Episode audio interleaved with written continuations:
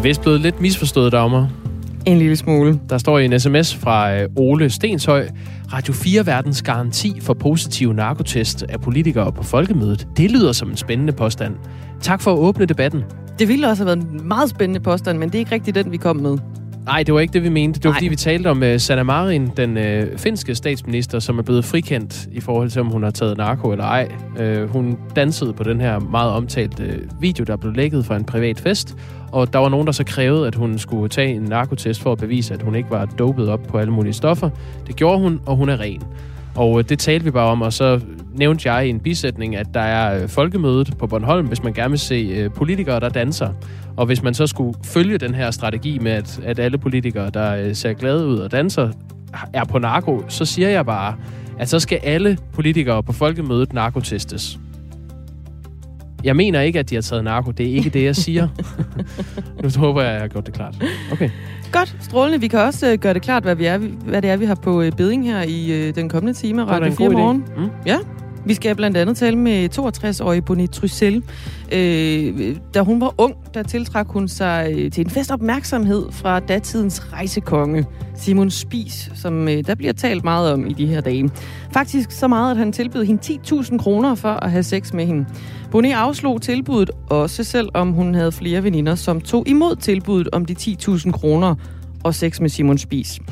Hun mener, at det stod alle kvinder frit for at sige nej, og derfor så kan man ikke efterfølgende dømme Simon Spis med nutidens øjne. Vi taler med Bonet Russell klokken øh, cirka 20 minutter over 8. Og det er jo også i kølvandet på, om øh, den her plads, Simon Spis plads i Helsingør, øh, der er en diskussion om, om, hvorvidt den skal skifte navn nu, med det vi så ved nu med DR's dokumentar om Simon Spies. Øh, skulle man kalde den, øh, jeg ved ikke hvad, øh, Svingelport igen, som den hed før 1993, hvor Simon Spies-fonden øh, restaurerede den her plads, og så blev den så opkaldt efter Simon Spies. Nogen har foreslået Simon Gris på sms'en. Øh, Simon Svins plads vi har også foreslået Flere bud mange gange. er øh, velkomne på 1424. Tak for øh, sms'erne ind til det her program. Det gør det så meget bedre. Keep them coming. Resten af morgenen. Ja, tak. Og øh, god morgen, hvis du lige er stedet på. Her i studiet er det Dagmar i Østergaard og Jakob Grosen. Det er ikke mere end øh, et par år siden retten til tidlig pension blev til virkelighed. Altså det, der populært bliver kaldt Arne-pensionen. Men den ordning bør afvikles igen, sådan lyder det fra et af budskaberne i en 2030-plan, som Dansk Arbejdsgiverforening i dag præsenterer. I planen der kommer organisationen med 28 forslag til at øge beskæftigelsen, som i forvejen er rekordhøj. Men vi dykker altså ned i øh, et af dem. Det er øh, afviklingen af Arne-pensionen. Jakob Holbrød, godmorgen. Godmorgen. Administrerende direktør i Dansk Arbejdsgiverforening, hovedorganisation for 11 arbejdsgiverforeninger og det øh, private, på det private arbejdsmarked. Øh, hvorfor bør danskerne ikke have ret til tidlig pension fremover? Fordi vi er i den situation, at vi har rekordlav ledighed, rekordhøj beskæftigelse, og den allerstørste øh, udfordring, vi har lige nu, det er mangel på medarbejdere. Det er det i den private sektor, det er det i den offentlige sektor. Og derfor øh, synes vi, at vi er nødt til at se alle vejen hen. Hvor kan vi øh, sikre nogle flere medarbejdere til danske virksomheder og til den offentlige sektor, som kan bidrage til at løse alle de opgaver, vi gerne vil have løst.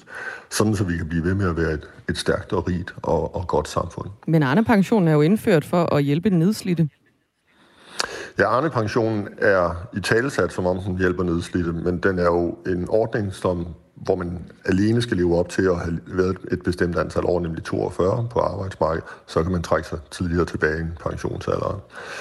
Der er det bare, at vi siger, at når vi kan se, at manglen på arbejdskraft den er så stor som øh, aldrig før, og øh, når vi kan se, at der er øh, toprekord i beskæftigelsen, og ledigheden er helt i bund, jamen så er vi nødt til at bede øh, folk om at arbejde lidt længere, end det de måske havde planlagt efter den her ordning, og en lang række andre initiativer, sådan så vi kan skaffe noget mere arbejdskraft, og sådan så vi kan blive ved med at være et, et stærkt samfund, som vi kan give videre til vores børn. Jakob Holbrød, jeg siger også lige godmorgen til øh, Mona Strib, forbundsformanden hos Fagforbundet FOA. Godmorgen. Godmorgen. Hvad synes du om øh, forslaget her fra Dansk Arbejdsgiverforening om at fjerne retten til tidlig pension, altså Arne-pensionen? Jamen lige præcis det forslag, det er vi lodret uenige i. Øh, til gengæld så kan jeg se, at der er nogle andre forslag, hvor vi øh, fint kan finde et øh, rigtig godt samspil for, hvad der skal ske. Vi går en helt anden vej med de forslag, vi har Øh, det handler simpelthen om at skabe nogle øh, attraktive arbejdspladser med gode arbejdsmiljøforhold, med gode lønforhold, og så få taget fat på det og få etableret seniorordninger. Øh, så vælger folk, der har et godt sted at være, helt af sig selv og være der så lang tid, som man overhovedet kan.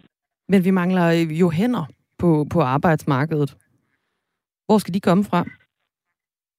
Ja, det er en kæmpemæssig og stor udfordring, vi har, og det har vi på tværs af det offentlige og private arbejdsmarked. Det er ganske rigtigt set. Til gengæld er der rigtig meget at gøre for, at øh, vi får skabt mere arbejdskraft ud af dem, der allerede er på arbejdsmarkedet. Og et af forslagene, som vi er helt enige i, det er, at øh, langt flere skal få fuld tid på øh, det offentlige arbejdsmarked. Og jeg kan sådan også øh, finde på det private arbejdsmarked steder, hvor man øh, desværre øh, ansætter på øh, deltid frem for at etablere gode fuldtidsarbejdspladser. Ifølge Dansk Erhverv, så er der i nogle brancher, hvor der stadig er stor mangel på arbejdskraft, og vi, øh, for eksempel har vi hørt, hvordan hver tredje rekrutteringsforløb i social- og sundhedsvæsenet var forgæves i perioden fra april til september sidste år. Det svarede til over 19.000 ubesatte stillinger, viser tal fra Styrelsen for Arbejdsmarked og, og Rekruttering. Hvorfor er det et problem, Mona Strib, at man holder folk lidt længere på arbejdsmarkedet, hvis det er det, der skal til for at holde julen i gang? Jamen, man skal gøre alt, hvad man kan for at holde folk så lang tid som muligt på arbejdsmarkedet. Og metoden til det, det er for det første at få skabt et fuldtidsarbejdsmarked med et øh, godt og sundt arbejdsmiljø. Det er at få en fornuftig arbejdspladskultur. Øh, så er der rigtig meget arbejdskraft at hente, i hvert fald i den offentlige sektor. Og pointen med at øh, sige, der er nogen, der har været længe på arbejdsmarkedet i fysisk og psykisk hårdt krævende jobs, de skal have mulighed for at gå på en værdig tidligere folkepension end os andre. Det er simpelthen, jeg kan simpelthen ikke forstå forslaget, fordi pointen er, at langt de fleste af dem, der bliver søger og får tilkendt den tidlige pension, de ville faktisk i stedet for have været berettiget til at søge seniorpension, fordi de er tæt på nedslidt. Jakob Holbrød, vil du så ikke øh, prøve at, at, øh, forklare det her forslag? Jo, altså vi er jo i en situation, hvor vi øh, lige netop har sat folkepensionsalderen op til 67 igen.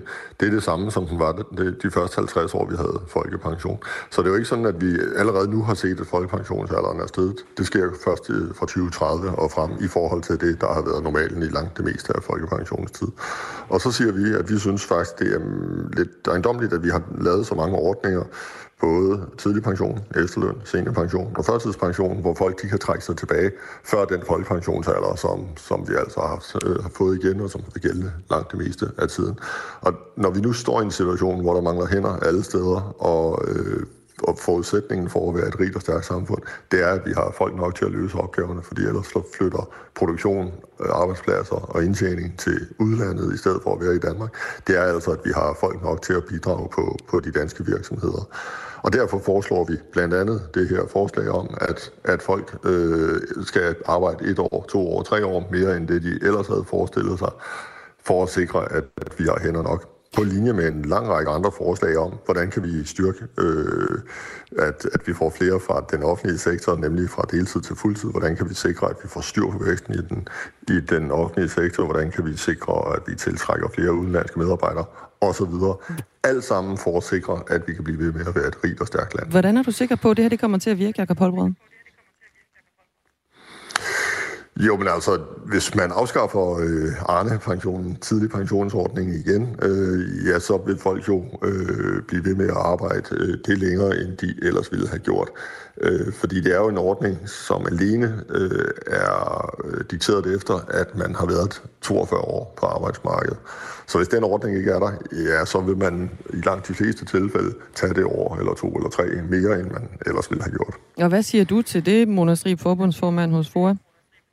Jamen, jeg siger til arbejdsgiverne, både øh, i den offentlige og den private sektor, kan I så komme ombord, og komme ombord i at få skabt et øh, godt arbejdsmiljø, og øh, komme ombord i at få skabt gode senioraftaler. Det er en af vejene frem til, at man kan holde på sine medarbejdere. Der er behov for, at vi fastholder tidlig pension. Der er behov for, at der er muligheden for at søge en seniorpension. Og øh, førtidspensionen, den er der jo desværre også alt for mange, der må benytte sig af, og det er fordi, man bliver nedslidt og ødelagt på arbejde. Det kan vi gøre noget ved sammen. Du må gerne øh, komme tilbage her, I forhold til det med arbejdsmiljø, hvis jeg må kommentere på det, altså, jeg er fuldstændig enig i, at vi på de danske arbejdspladser skal have et godt og stærkt arbejdsmiljø. Og sandheden er jo også, at det har vi. Der er vel næppe noget land i verden, hvor det er mere attraktivt at være øh, medarbejder, end det er i Danmark. Netop fordi vi i lang, lang tid i fint samarbejde øh, mellem arbejdsmarkedets parter har sikret at få et rigtig godt og stærkt arbejdsmiljø øh, på de danske arbejdspladser. Det skal vi blive ved med, og det skal vi blive ved med at udvikle.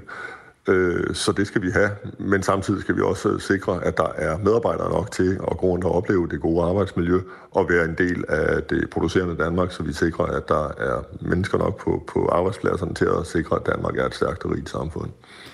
Jakob Holrød, øh, jeg læser lige et citat op, du har sagt til, øh, til Ritzau, administrerende direktør i Dansk Arbejdsgiverforening.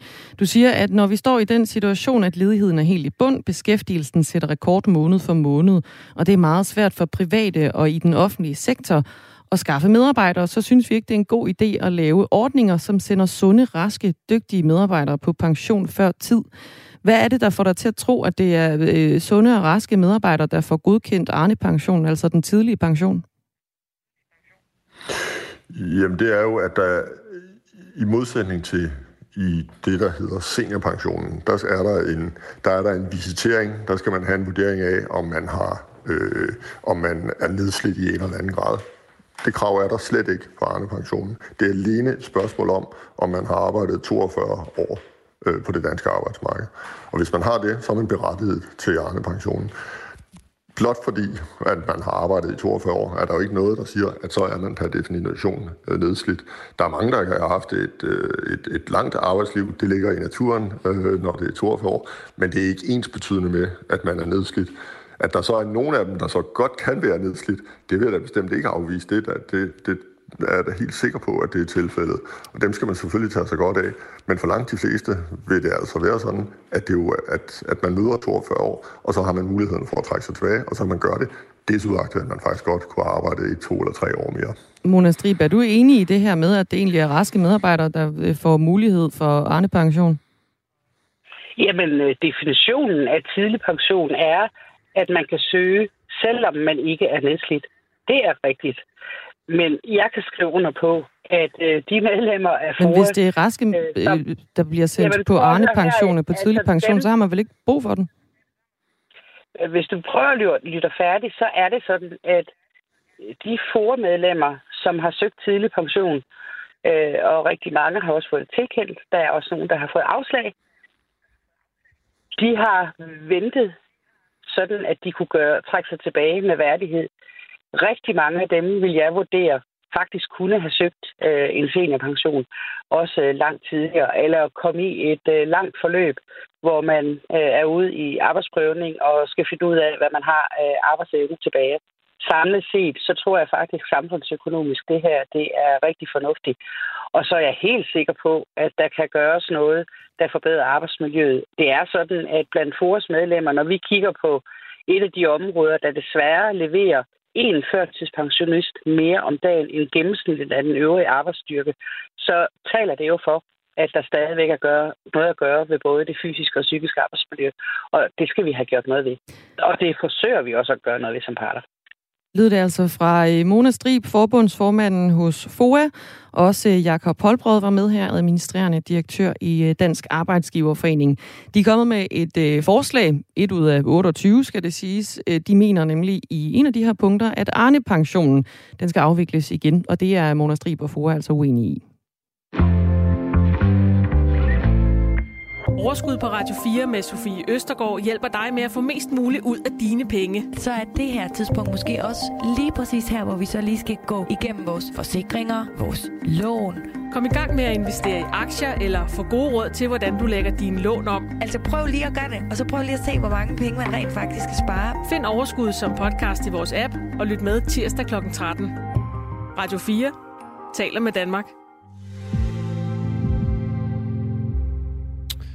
Nu vender vi os mod rejsekongen, som I disse dage øh, falder helt af tronen Simon Spis, som er kommet på de fleste læber efter en ny dokumentar, øh, som kommer fra Danmarks Radio. Dokumentaren folder for alvor beskyldningerne om øh, udnyttelse, overgreb og endda vold mod meget unge piger ud. Det var piger, som han selv kaldte morgenbolledamer, og han havde også en appetit for at tage til prostituerede og betale dem for at øh, tæve dem sønder sammen med bøjler. Ifølge dokumentaren tilbød Simon Spies øh, kvinder penge for at stå seksuelt til rådighed for ham øh, 24-7. Nogle af dem var under 18 år. Men det fremgår også, at Simon Spies har betalt 10.000 kroner for en nat med en 14-årig pige. Nu skal vi tale med en af de piger, som rent faktisk blev tilbudt at være sammen med Simon Spies. Godmorgen, Bonette Tryssel. Godmorgen. Da du var ung, men over 18 år gammel, skal jeg lige sige, øh, blev du til en fest tilbudt at have sex med Simon Spies for øh, 10.000 kroner, og samtidig øh, fortalte han dig, at hvis du ikke ville se på ham imens, så kunne du tage en pude hen over hovedet. Og det tilbud afslog du. Og du mener altså, at det stod alle piger frit for at sige nej til Simon Spies, og at man ikke bør dømme ham med nutidens øjne. Hvorfor har du det sådan? Øhm, ja, men jeg har det vel i lyset af, at øh, det jeg har oplevet øh, egne erfaringer og har været til et par fester, og dels har øh, øh nært kendskab til gamle veninder, der var morgenbolddamer, og øh, hans private jurist, og jeg var lidt inde i kredsen og kendte rundt omkring, så har jeg aldrig nogensinde oplevet øh, det, som jeg hører nu. Øhm, om der var nogen under 18, det er jo svært at sige, fordi øh, der er altid nogen, der vil ryge igennem en sig. Og ja, jeg fik tilbudt øh, 10.000, øh, og det var da også fristende. Jeg var øh, alenemor, jeg var 18 år, da jeg var gravid, fik øh, mit første barn, da jeg var 19, og det var da ekstremt øh, lokkende at få 10.000, men det var bestemt ikke lokkende at gå i seng med Simon Spis på nogen måde. Øh, men jeg smilede af det og sagde pænt nej tak, og øh, det blev der respekteret. Bonet Tussel, nu nævner du, at, øh, at du er lidt i tvivl om, hvorvidt nogen morgenbolddamer var under 18. Øh, det tror jeg godt, vi kan konkludere, at øh, det, det er et faktum, at det var de. Øhm, I hvert fald fremgår det i den her dokumentar, at de fleste var 15, 16, 17, 18 år. Og det var, det var noget, han havde appetit på, de her piger, der var under 18. Hvilket jo heller ikke er ulovligt. Det var det, hvis de var under 15. Hvilket så også der har været i hvert fald et øh, eksempel på, som også bliver udrullet i, øh, i dokumentaren. Øhm, når du nu, selvom du ikke havde kendskab til det dengang, når du nu hører den her dokumentar i dag, eller ser den i fjernsynet, hvad får det der så til at tænke? Altså, jeg øh, tager afstand fra øh, de ting, der bliver sagt, øh, men der bliver jo sagt mange ting. Og hvad, hvad tager du afstand fra? Øh, det er en skud Jamen, jeg tager afstand fra, hvis han har, lavet, hvis han har reelt lavet overgreb øh, på den her historie med en pige, der ligger og sover, så kommer han bare. Øh, og en pige, øh, som er 14 år. Det tager jeg afstand fra. Jeg tager også afstand fra, øh, i fald han skulle have betalt for, for vold. Men øh, en ting er alt det, der bliver sagt, og hvordan det foreligger. Han er en død mand i dag, og øh, jeg synes, at vi har meget dobbeltmorale her i Danmark. Øh, Sadomasochisme er ret udbredt, og øh, hvis pigerne har haft blå mærker, øh, så øh, er det noget, de måske har indvildet i. Jeg, jeg har i hvert fald aldrig oplevet noget negativt omkring koncernen øh, i forhold til vold på den her måde, jeg hører det på nu. Og det, øh, det er jo virkelig noget, jeg også tager afstand fra. Øh, det er klart, det gør jeg. Men, men hvis han har en... Øh, en fantasi om øh, sadomasochisme og, og de ting. Altså, det er jo helt almindeligt i dagens Danmark, og jeg ved ikke, hvornår har det været forbudt, at mænd de betalt for at få sex med piger eller kvinder, for den sags skyld. Øh, jeg kan da nævne et par, en mand, der i hvert fald lever endnu, som øh, ikke betaler for det, men tager sin ret for det. Øh, så, så jeg synes, det er sådan noget dobbeltmoralsk klud og mud af det hele, det her. Det, det tror jeg lige, vi er nødt til at høre. Hvad, hvem er det, du tænker på her? Jamen, det er jo selvfølgelig ham, der har udtalt de her ord. Jeg tager kokkens datter, når jeg vil. Det er min ret, og den ret, den har, øh, den, den, den ret er der ingen, der har. Og det er jo selvfølgelig Jørgen Let, som blev fyret for cirka 10, er det ved at være 10 år siden.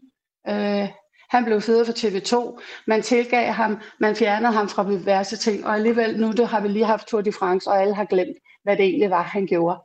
Øh, han tog det bare. Simon Spies har aldrig nogensinde lagt skjul på, hvad han gjorde. Han øh, kunne godt lide unge piger, og det viste han, og han betalte dem en kækkelig løn for det, og de tog imod det. Øhm, jeg vil lige sige, uh, Bonet Tussel, altså vi skal nok lade, lade Jørgen Let ligge her, fordi han ikke på den måde har noget med det her at gøre, men jeg forstår godt, hvad det er, du, øh, du forsøger at drage en parallel til. Øhm, når du nu fik tilbudt de her 10.000 kroner i, i 70, øh, så vil jeg bare lige sige til lytterne, det svarede sig til 76.000 kroner i, i 2020, så det, det var virkelig mange penge, du, øh, du sagde nej til. Øh, når, når du nu siger, at de her piger bare kunne sige nej, Øhm, hvordan ser du så på den frie vilje? Fordi det, i mange tilfælde var det jo helt unge piger, som kom fra so- socialt belastet øh, hjem. Der er også historier om, at han har købt en øh, vaskemaskine til nogle mødre, øh, for at få lov til at være sammen med deres øh, døtre osv. Og, og de skulle stå til rådighed 24-7. De måtte ikke sige nej til at have sex. Det er jo ikke øh, sådan, vi ser på det i dag. Betyder det noget for dig, at, at øh, vi ser anderledes på det i dag? Øh, ja, det betyder, det betyder faktisk kun det, at dem, der ikke på deres dåbsattest var til dengang, de forstår ikke, hvordan livet var dengang. Øh, vi havde lige et første generation med fri sex og fået p-piller, så det var en helt anden generation. Øh, altså, det, det betyder, det er, når du siger sådan, det er rigtig mange penge, ja, det er det. Men stadigvæk, så mener jeg, at der er et valg. Og så forstår jeg ikke den der tese om, at, at de skulle være så socialt belastet. Altså, de piger, jeg så derinde, de nød hver gang, de fik nogle ting at kunne gå ud og købe. Og, og så kan jeg drage parallel igen til vores sugar daddy piger, som øh, nyder godt af det og, og hvorfor er der ikke nogen, der har noget? Altså, det er bare det her med, at man er gået efter Simon Spies nu så mange år efter. Lad ham nu hvile i fred, og lad ham være. Han gjorde meget for Danmark. Øhm, så synes jeg, at vi kan drage paralleller igen. Vi har nogle 14-årige unge øh, prostituerede, som står inde ved Istergade. Dem er folk, der er ligeglade med hver dag. Der, der kommer masser af mænd og køber de her unge piger. Det er der ikke nogen, der kæfter op om. Så jeg har det sådan lidt, det hele er lidt dobbeltmoralsk, og jeg synes det her med at hive Simon Spis frem, det er også øh, dyb øh, disrespekt for, for Janne Spis, som blev gift med ham, som faktisk også valgte at blive gift med ham. Øhm, Til den her, ja. her historie om Simon Spis øh, hører jo også det rejseselskab, som han skabte, altså Spis Rejser, som fortsat eksisterer og øh, er Danmarks største rejseselskab i dag. Vi talte tidligere på morgen med øh, Sune Bang, som er kommunikationsrådgiver og øh, ekspert i branding. Og han sagde, at den her sag øh, for ham at se kan vokse sig så problematisk for Spis, at de er nødt til at øh, skifte navn. Det er en stor beslutning at skifte navn. Jeg tror ikke, der er nogen vej tilbage nu. Altså, øh, den er allerede vokset voldsomt, og vi går her og venter på de to næste afsnit. Øh, sex sat i system og tæsk og tavshed. Altså, det er, det er, øh, det er utvivlsomt så voldsomt, det vi kommer til at se, så det i nutidens øjne simpelthen ikke er acceptabelt. Så, øh, så, så jeg, jeg tror, at de bliver presset til skifte navn. Bonnet du er ikke enig du mener ikke, at øh, Simon Spies rejseselskab er nødt til at skifte navn. Øh, hvorfor har du det sådan? Nej, det er jeg ikke. Og det er heller ikke med pladsen i Helsingør. Altså, jeg synes, det er noget ævl, enhedslisten, de sidder og bævler op om. Jamen, det er jeg ikke, fordi at vi ser en serie, og den er voldsom. Der er ikke nogen af os, der ser noget, hvor at det er fiktivt, hvor vi ser, at det sker. Altså, det er ligesom den bog, han skrev. Det er også fiktivt. Det er, altså, vi ved jo ikke, hvor meget af det, der reelt passer, og, og øh, jeg synes bare, at Spis koncernen har fået fire nye, nærmest er der omkring fire nye ejere siden. Mm. Og øh, Spis, der er der nu, de, bliver ikke, de, de skal ikke sammenlignes med det Spis manden gjorde. Øh, Udover, at vi skal ikke glemme, at han har gjort noget stort. Han har gjort noget stort. Det er der vel heller ikke nogen, der glemmer, fordi synes, vi diskuterer være... hans uh, moral, og at han faktisk har brudt Nej, loven i nogle men, tilfælde. Men hvorfor, hvorfor kan vi så ikke bare beholde hans navn? Og husk, husk ham for det. Vi var jo alle sammen på dengang. Han blev jo hylet. Altså, der var jo ikke nogen, der tog stilling. Vi kan jo ikke sætte vores morale op i dag og skrue den tilbage i tiden. Det, der er sket, det er sket. Og, og, og med hensyn til den her sådan, uh, unge pige, uh, der døde af AIDS, altså, så kan jeg fortælle, at min, uh, min kæreste, jeg fik et barn med, han døde også af AIDS. Alle døde af AIDS dengang. Der var meget stoffer. Alting var bare så anderledes i den tid. Mm. Hvis, jeg er sikker på, at hvis der havde været noget bevidst omkring, at Spis gjorde det dengang, så tror jeg også, man havde skrevet, øh, været vagt i gevær på en helt anden måde. Tak fordi du var med i Radio 4 morgen, Bonnet Tusse. Ja, Ja, det var godt, du fik det med. det var så lidt. Tak for det. Øh, og taler altså ind i også en debat, der kører i Helsingør, hvor byrådet blandt andet og borgerne, ifølge den konservative borgmester Benedikte Kær, skal tage stilling til, om Simon Spies plads skal ændre navn. Og det er ikke kun enhedslisten, der mener det. det er, der er også andre partier, der går ind for. Vi siger lige her til sidst, at Bonnet Tussel øh, stillede op til kommunalvalget i Gladsaxe Kommune for Dansk Folkeparti, kom ikke ind, og nogen meldte sig ind i Danmarks Demokraterne. Så har vi også politisk placeret Bonnet Tussel, som du lige har hørt i din radio. Nu er klokken halv ni.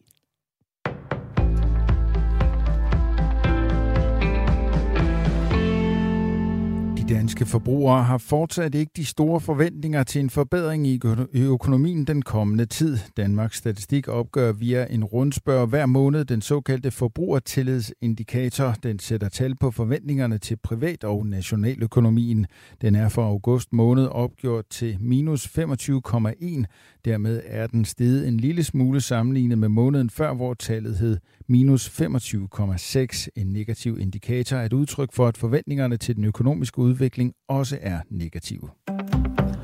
Selvom Blå Blok skulle få nøglerne til statsministeriet efter næste folketingsvalg, ser det ikke ud til, at der er flertal for, at et nyt udrejsecenter skal ligge på øen Lindholm. Venstre og de konservative er fortsat fortaler for projektet, men først Dansk Folkeparti og nu Danmarksdemokraterne afviser Lindholm som placering for centret. Der er sket rigtig mange ting på Lindholm, der gør, at øen ikke længere er relevant, siger gruppeformand Peter Skåb fra Danmarksdemokraterne til Sjællandske Medier. Han peger på, at der er kommet flere udgifter til, siden den daværende VLAK-regering og Dansk Folkeparti præsenterede Lindholm-planen i 2018. Parterne ville placere udvisningsdømte kriminelle på øen i Stegebugt. Øen ligger for sig selv midt i bugten og kan nås med båd. Der var, lød resonemanget fra de blå, optimale betingelser for at undgå utryghed i nærområdet.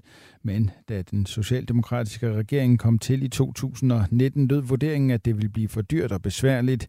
Den daværende udlænding og integrationsminister Mathias Tesfaye sagde, at en overnatning på øen koster det samme som en overnatning på et luksushotel. Klima-, energi- og forsyningsminister Dan Jørgensen er nu klar til at undersøge, hvor mange der uberettiget har fået udbetalt varmesjekken på 6.000 kroner. Vi synes, det er godt at få et overblik over det. Det er det, jeg har bedt min styrelse om at undersøge nu, siger ministeren til TV2. Der skal ske gennem et kritisk eftersyn, men hvordan det præcis skal foregå er uklart, skriver TV2. Lørdag lød det ellers fra Dan Jørgensen, at en undersøgelse ikke var på papiret hos regeringspartiet. Han fortalte desuden, at partierne bag aftalen udmærket var klar over risikoen for fejl inden udbetalingen.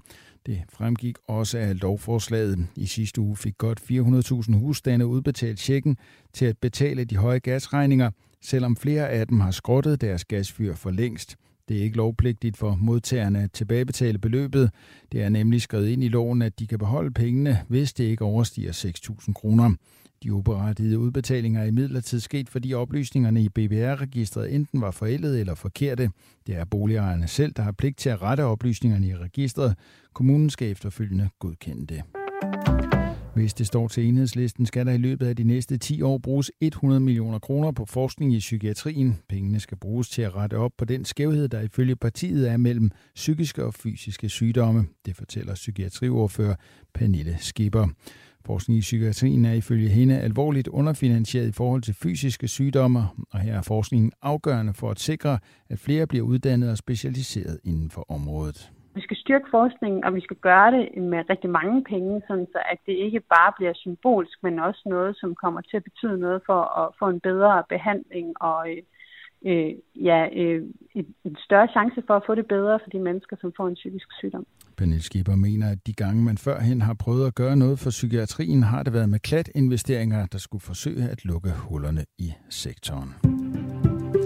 På Bornholm skyde først på dagen, men ellers kommer der nogen sol flere steder, og i den vestlige del af landet lokale byer, der kan være med torden. Vi får temperaturer op mellem 22 og 27 grader.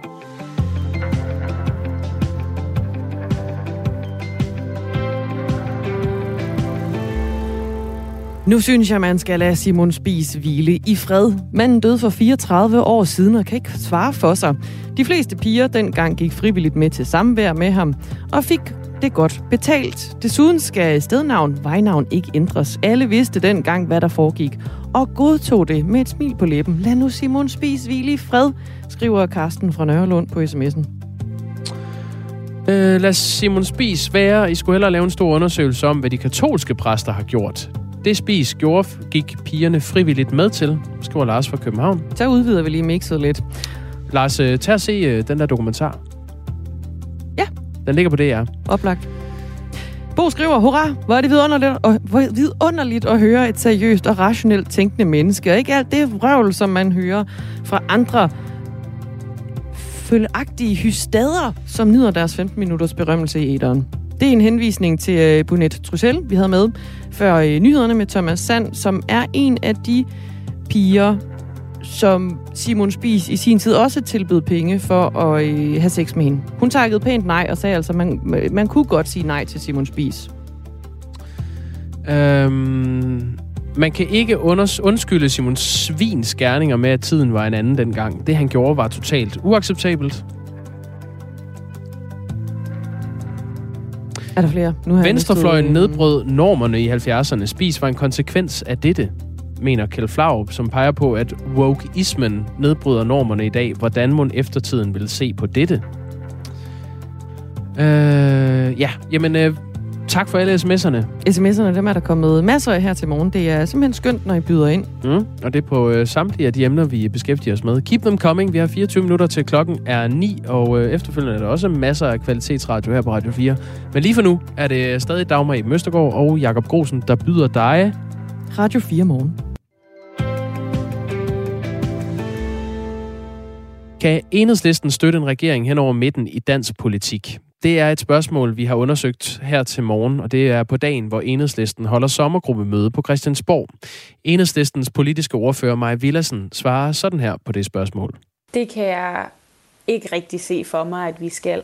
Altså en regering ind over midten vil jo betyde et samarbejde med, med partier på højrefløjen, som vi traditionelt har, må man bare sige, meget lidt øh, til fælles med. Altså vi ønsker at investere i velfærden, ikke skære i den som Søren Pape gerne vil, og vi ønsker altså meget turbo under klimahandlingen, også under, øh, øh, under landbrugets CO2-reduktioner. Det tvivler jeg for eksempel på, at Venstre vil. Så jeg tror, der er lang vej igen, hvis vi skulle enes siger altså Maj Villersen, politisk ordfører for Enhedslisten.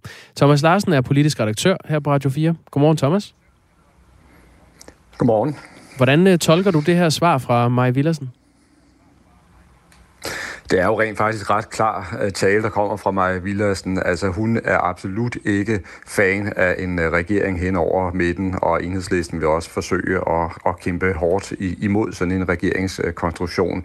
Øh, og derfor kan man sige, at i enhedslisten lige nu, der er der en enorm frustration over, ikke mindst de radikale, fordi set med enhedslistens øjne, der har de radikale jo været med til at bære det her budskab frem, der handler om, at man skal prøve at lave en regering hen over midten. Så set med enhedslistens øh, øjne eller briller, øh, så er de radikale i gang med at underminere øh, hele det, øh, kan man sige, regeringssamarbejde, som er i rød blok øh, i dag, og som enhedslisten grundlæggende har været ret godt tilfreds med. Der er jo ikke udskrevet valg endnu, men øh, altså alt tyder på, at der kan komme et valg inden længe, øh, eftersom radikale venstre jo har øh, troet med at ville vælte regeringen, hvis der ikke er udskrevet valg øh, senest til Folketingets åbning, eller lige deromkring. Thomas Larsen, hvad er det for en øh, situation, enhedslisten står i lige nu?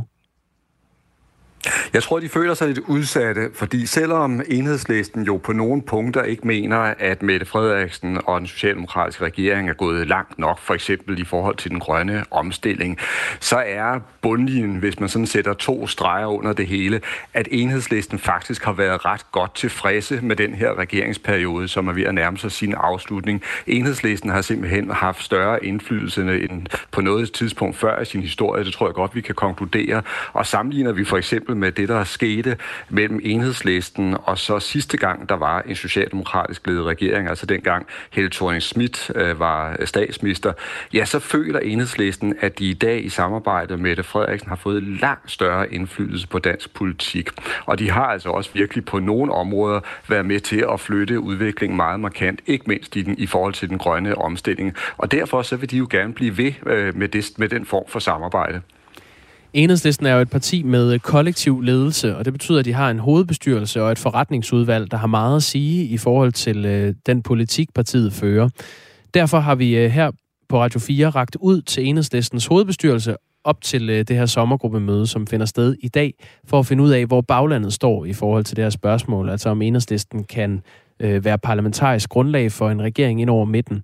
Og ud af 25 medlemmer og to suppleanter var der en øh, generelt stærk modvilje øh, i forhold til at svare på det her spørgsmål, og det var også efter utallige henvendelser.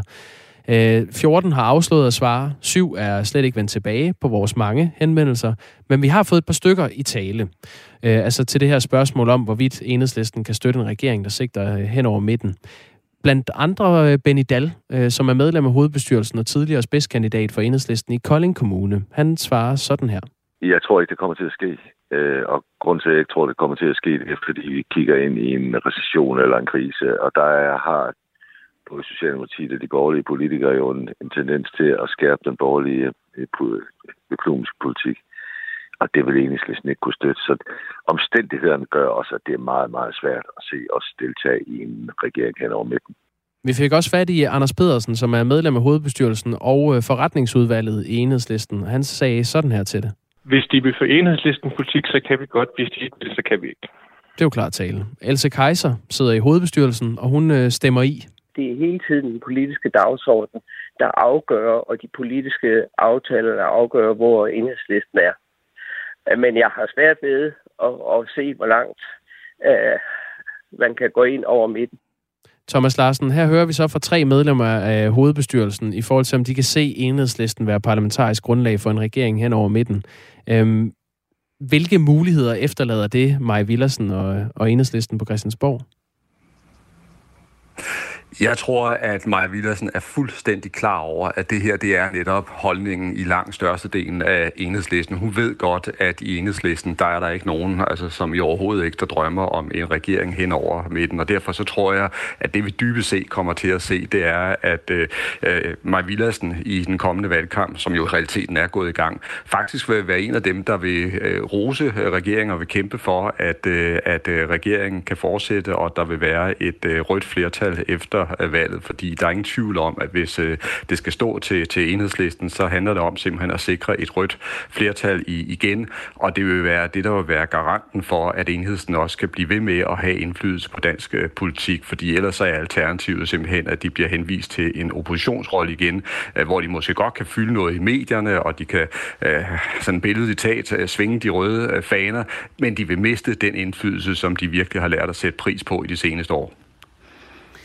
Når man ser på den seneste meningsmåling, den kom i går fra Analyseinstituttet øh, Voxmeter, så kan Rød Blok øh, lige skrabe 84 mandater sammen. Øhm, og så er der så også Moderaterne, man kunne tage med. Altså det her øh, selverklærede Lilla-parti, øh, som formand Lars Løkke Rasmussen har stiftet. han har jo så afvist at støtte en regering kun på røde mandater. Så Socialdemokratiet er indtil videre eneste parti, parti i Rød Blok, der har meldt en officiel statsministerkandidat ud, og Rød Blok har ikke i sig selv et flertal.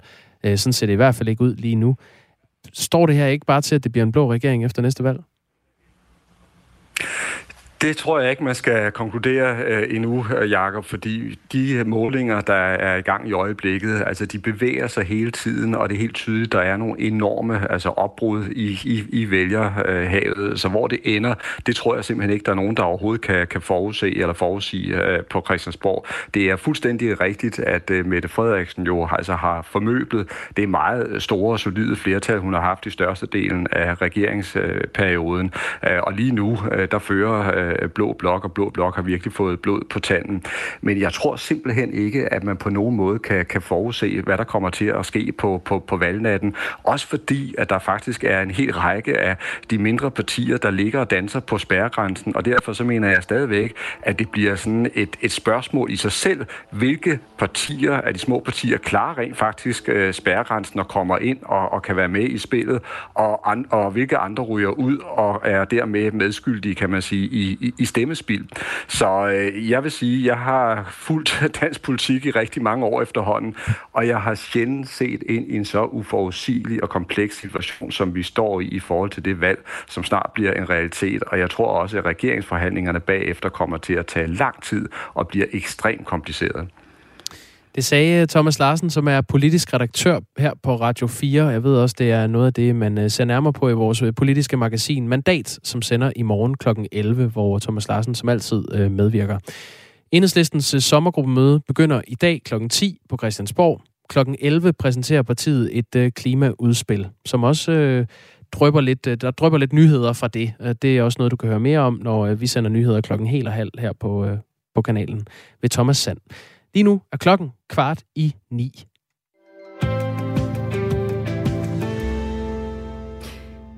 Jakob, har du hørt om latexmanden? Hvem? Latexmanden. Nej. Nu skulle du have en lille historie. Oh. Fra det nordsjællandske. Det lyder spændende. Øhm, det er en person, som er blevet døbt latexmand, der over en, et stykke tid har skabt utryghed i nordsjællandske skove. Øhm, det er en historie om en mand, som øhm, klæder sig på en bestemt måde, og har en adfærd, som øh, måske godt kan kaldes ret sær. Pervers. Også det måske. Og så alligevel ikke. Han er ret ofte iklædt, ja, sort latextøj, som øh, navnet antyder, latexmanden, og en maske, og nogle gange så har han blottet sig, men for det meste så ligger han egentlig bare stille i skovbunden, bundet på hænder og fødder i nordsjællandske skove. Hvor er det creepy. Og øh, der har været stille fra latexmanden i ret lang tid, men øh, nu er han muligvis på spil igen, skriver BT. De har talt med øh, Eva Valsø Nielsen, som var i, i skoven for at øh, lufte sin øh, labrador i Stor Dyrehave ved Hillerød.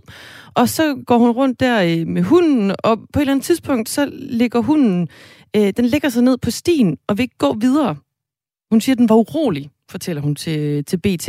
Og da hun så kigger op, så får hun øje på den her mystiske mand, der sidder i skovskiderstilling på en skråning ved nogle små grænsræer. I latextøj? I latextøj. Han var iført øh, sort tøj. Han havde sådan en gummimaske på, som forestillede et dødningehoved.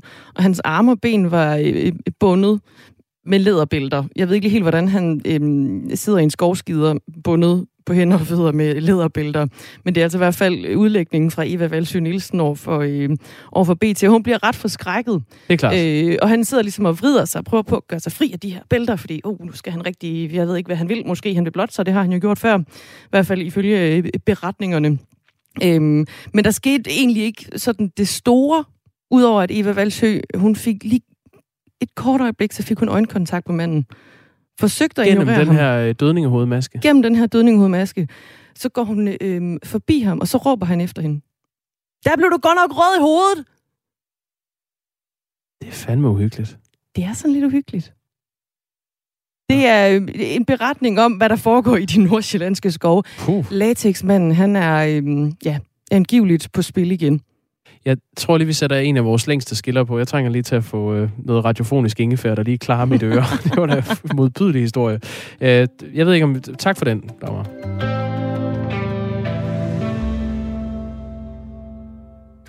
Og nu til noget helt andet. I fremtiden kan du måske nøjes med at øh, møde på arbejde fire dage om ugen. I hvert fald, hvis du er medlem af Teknisk Landsforbund, der har over 30.000 medlemmer i Danmark. I et øh, debatindlæg i Altinget, der skriver forbundet nemlig, at en fire-dages arbejdsuge bør være fagbevægelsens næste milepæl. Vi har sikret boliger til arbejdere, vi har presset arbejdstid ned og forbedret arbejdsforhold markant. Og vi har sågar startet en bank for at hjælpe arbejdere i Danmark. Det næste store skridt må være at sikre et langt mere fleksibelt arbejdsliv, ikke mindst en fire-dages arbejdsuge. Vi har tidligere revolutioneret samfundet. Det er på tide at gøre det igen. Sådan lyder debatindlægget i øh, Altinget blandt andet. Jannik Frank Petersen er forbundsformand i Teknisk Landsforbund, der har de her cirka 30.000 medlemmer, og så er han også forfatter til debatindlægget. Og han mener, at en fire-dages arbejdsuge bør være fagbevægelsens næste milepæl. Man kan sige, at helt grundlæggende er det jo øh, fagbevægelsens opgave at, at, øh, at kæmpe for det, der er vigtigt øh, for vores øh, medlemmer. Og, og lige nu er der et, øh, et kæmpe øh, ønske, ikke bare for vores medlemmer, men i, på tværs af brancher, om, et, øh, om en mindre stresset hverdag, øh, hvor man har lidt mere tid, øh, og, øh, og en stor efterspørgsel på et, øh, et mere fleksibelt øh, arbejdsliv. Og, øh, og derfor er det jo selvfølgelig, øh, at vi som fagforening øh, kæmper for, for de ønsker. Flere steder der har man forsøgt sig med en fire-dages arbejdsuge, blandt andet på Island. Her der har et årlangt forsøg med fire dages arbejdsuger været så overvældende en succes, at størstedelen af landets arbejdsstyrke nu arbejder færre dage. I Danmark der har flere private virksomheder og Odsherred Kommune forsøgt sig med de her fire dages arbejdsuger også. Teknisk Landsforbund har spurgt sine medlemmer, hvad de tænker om en fire-dages arbejdsuge, og 80 procent var positive over for ideen. Det er både øh, de unge øh, medlemmer, vi har, som, som er øh, nysgerrige jo selvfølgelig på, på deres arbejdsliv, men måske har nogle andre perspektiver end, end, end sådan nogen som mig midt i, øh, i 40'erne, ah, sidste 40'erne må jeg nok hellere sige, øh, som øh, måske har små børn og så videre, som vil gerne vil have øh, den her dagligdag, øh, hvad skal man sige, øh, lidt mere, øh, altså der er et enormt pres, ikke? Og, og så er det selvfølgelig, øh, vi har nogle, øh, nogle medlemmer, som, øh, som i virkeligheden måske har en hverdag, hvor de har øh, øh, mere tid i, i, i de første dage til at, at arbejde, men måske så gerne vil have en, en, øh, en lidt længere øh, weekend, hvor man har, har mere tid til, til de fritidsaktiviteter, som, øh, som man også gerne vil øh, have tid til.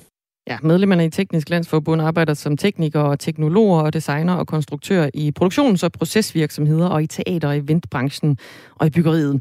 Men om man helt øh, konkret skal arbejde mindre, eller om man bare skal fordele de her 37 timer på øh, fire dage i stedet for fem, det kan Jannik Frank øh, Petersen, der er forbundsformanden i Teknisk Landsforbund, ikke helt give et entydigt svar på.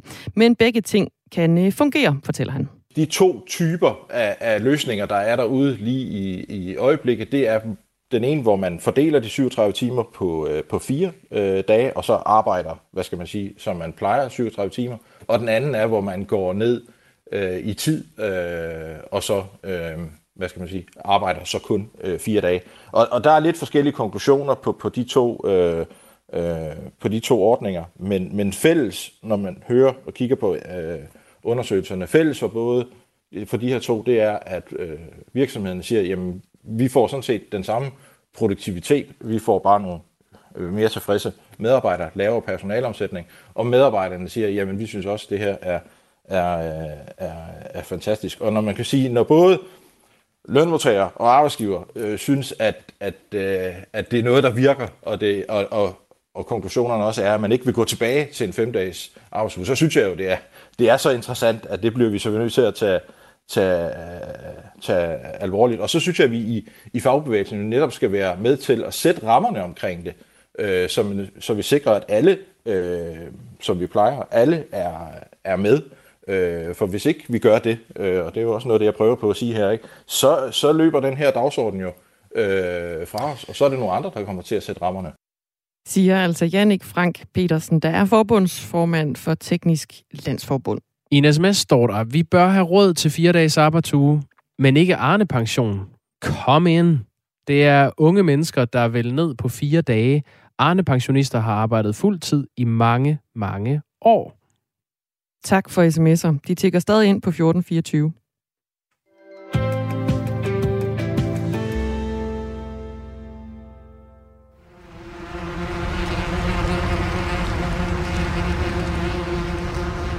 En velkendt og øh, stærkt irriterende lyd, som de fleste kan ikke øh, genkende til, det er lyden af vepse. Og øh, det er højsæson for vepse og gedehamse, der i øh, takt med sommeren går på held, bliver mere og mere aggressive. I år oplever skadedyrsbekæmper en usædvanlig stor stigning i efterspørgselen på at få fjernet vepsebo.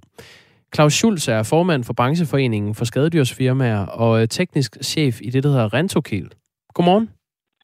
Godmorgen. Hvorfor er det altid her i sensommeren, at vepsene bliver øh, psykopater? Ja, ja det, det kan man sige. Ej, må ikke bare lige øh, spole lidt tilbage for din indledning. Så siger du, nu er der både givet hamse og vepse, der er irriterende.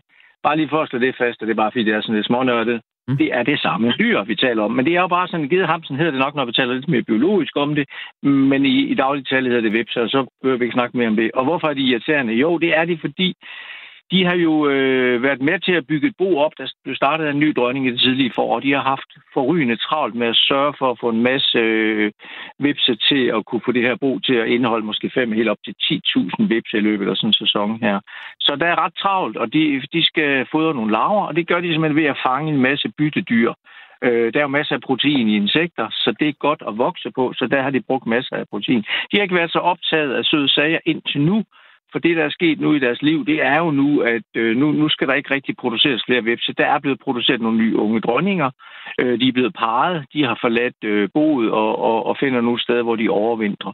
Så de er med andre ord blevet sådan lidt øh, arbejdsløse. Så de baller sådan lidt rundt og lader sig friste lidt af, hvad der nu er sødt og, og, og tiltrækkende. Og der er begyndt at falde lidt frugt ned. Øh, der er noget, nogen, der sidder for en øl eller en sodavand ude på terrassen, og, og det er umodståeligt for dem. Øh, vi ved også, hvis vi sidder og griller udenfor, så kommer de også og står og sværmer omkring og er enormt irriterende. Øh, og det er jo der langt de fleste ulykker sker. Det er fordi, nu er de sådan lidt dogne, øh, og de er overalt. Og, øh, og kommer man uforvarende til at sidde og tage en slurk af sin, sin øh, sodavand eller, eller øl, øh, hvor der er en vipsi, der ligger og svømmer rundt, og den stikker ind ned i halsen, altså det, det, det kan være fatalt. Øh, der er masser af mennesker, der faktisk har rigtig store skader fra, fra bier. Hvis man er allergisk, så kan man jo dø af det. Vi har vi har selvfølgelig mange mennesker, der er ude at lave det her. Vi, vi, vi er pakket ind i efter alle kunstens regler, ikke i bidragt og store handsker, hvad ved jeg, mm. og har selvfølgelig også de rigtige midler med til at gøre det. Men alligevel er der, ja, for to uger siden havde vi en mand, der så blev stukket ved øjet, ikke at med op, og det, det, det kostede så en, en sygedag derhjemme, fordi man får faktisk sådan lidt feber og bliver utilpas, og, og så kom han tilbage igen, han fik noget, noget antihistamin, så, så han lidt, øh, kommer lidt tilbage til at se normalt ud. Men han ligner sådan en eller anden ballon, der er pustet lidt for meget op, ikke, og super ubehageligt. Det er meget interessant, øh, Claus Schulz. Jeg, jeg sidder stadig og har tabt kæben over, du sagde, at en øh, veps og en gedehams er det samme. Jeg tror lige, du skal bruge 10 sekunder på at forklare det, fordi det, ja. det tror jeg, der er mange, der ikke ved.